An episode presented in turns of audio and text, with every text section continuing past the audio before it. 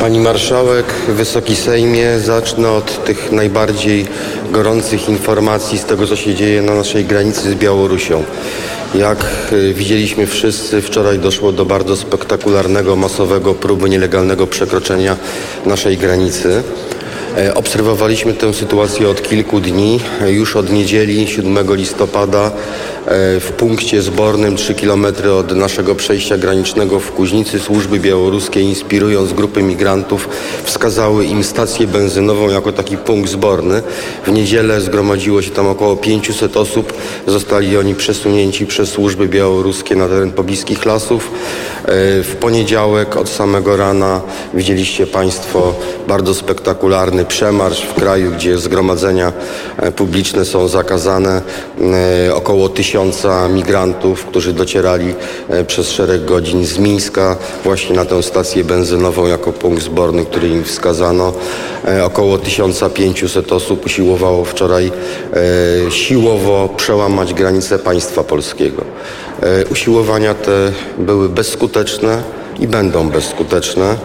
M, Mamy wystarczające siły i środki, aby, m, aby skutecznie przeciwdziałać tego typu e, nielegalnym, sprzecznym z prawem, e, siłowym, agresywnym próbom e, przekroczenia naszej granicy.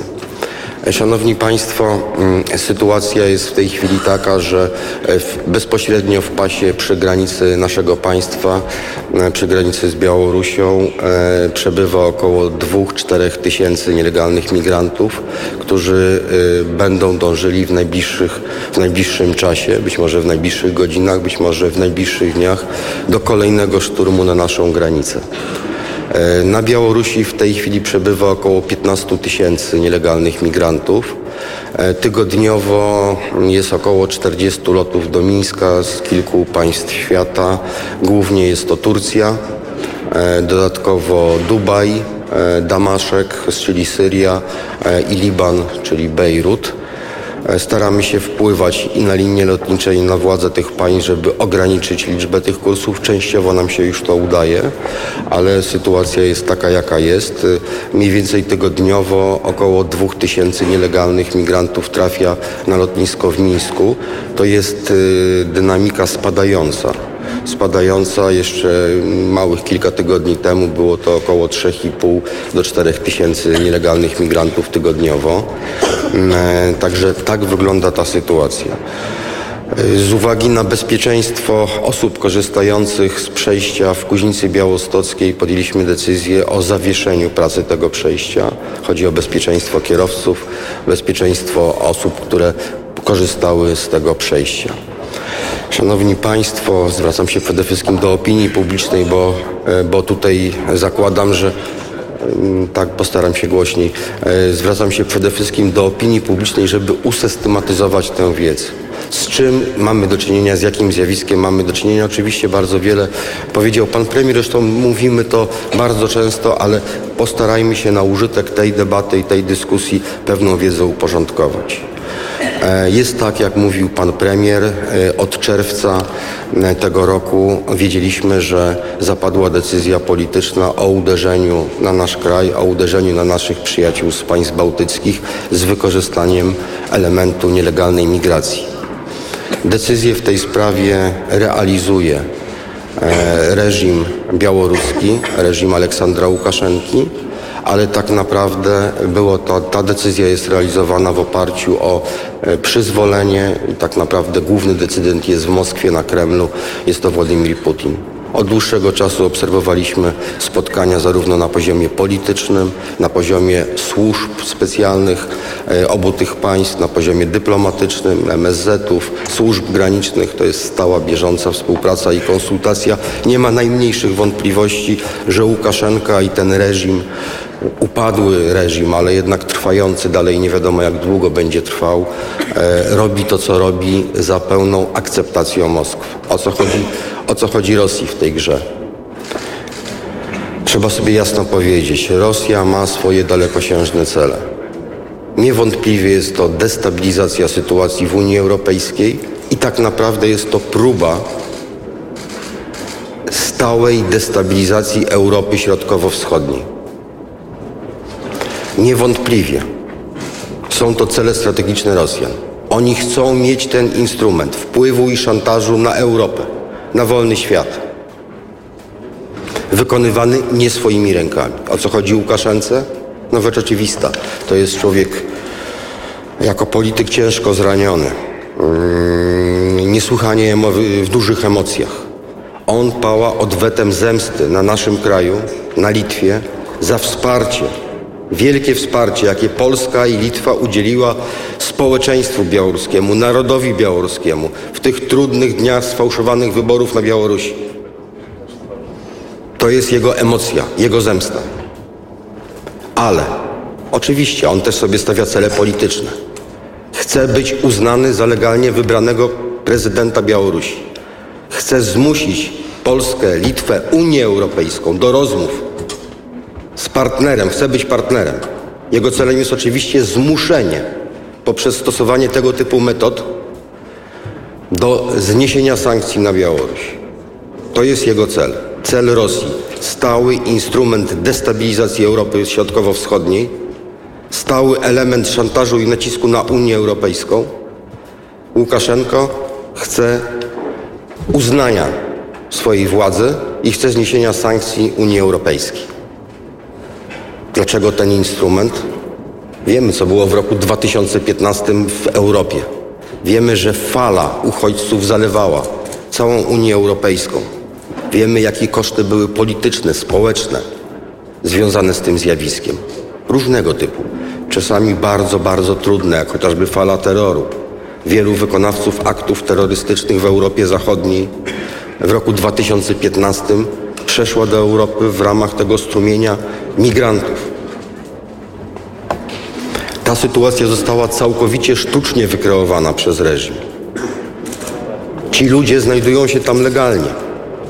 Stworzono im możliwości logistyczne w postaci przelotu samolotami. Wszyscy mają wizy, wszyscy przebywają tam legalnie. Są zapraszani przez białoruskie służby, przez białoruskie biura turystyczne rozsiane po świecie, zwłaszcza na Bliskim Wschodzie. Jeżeli nie będziemy konsekwentni, jeżeli stracimy zimną krew, jeżeli nie będziemy twardo działać, będziemy zalani. Będziemy zalani falą nielegalnej migracji z wszystkimi konsekwencjami politycznymi, społecznymi. To nie może się stać, Szanowni Państwo. Ale jest jeszcze jeden cel wojny hybrydowej, jaka została wytoczona wobec naszego kraju. Tym celem jest maksymalne skłócenie wewnętrzne nas, nas Polaków, nas polityków. Polaryzacja. Skaczmy sobie do gardeł, oskarżajmy się, kłóćmy się. Pokażmy swoją słabość w sytuacji zagrożenia. Tym celem jest wytworzenie y, poczucia niebezpieczeństwa u naszych obywateli, że państwo jest słabe, bezradne, że wróg zewnętrzny może robić co chce w naszym kraju, może nam dyktować warunki, że nie jesteśmy samodzielni, że musimy prosić o pomoc. Nie. Musimy temu wspólnie się przeciwstawić. Ja do Państwa za każdym razem, czy to na, na poprzednich swoich wystąpieniach sejmowych, czy na komisjach sejmowych, apeluję o jedność. Jeżeli nie jesteście w stanie poprzeć nas, to nie przeszkadzajcie.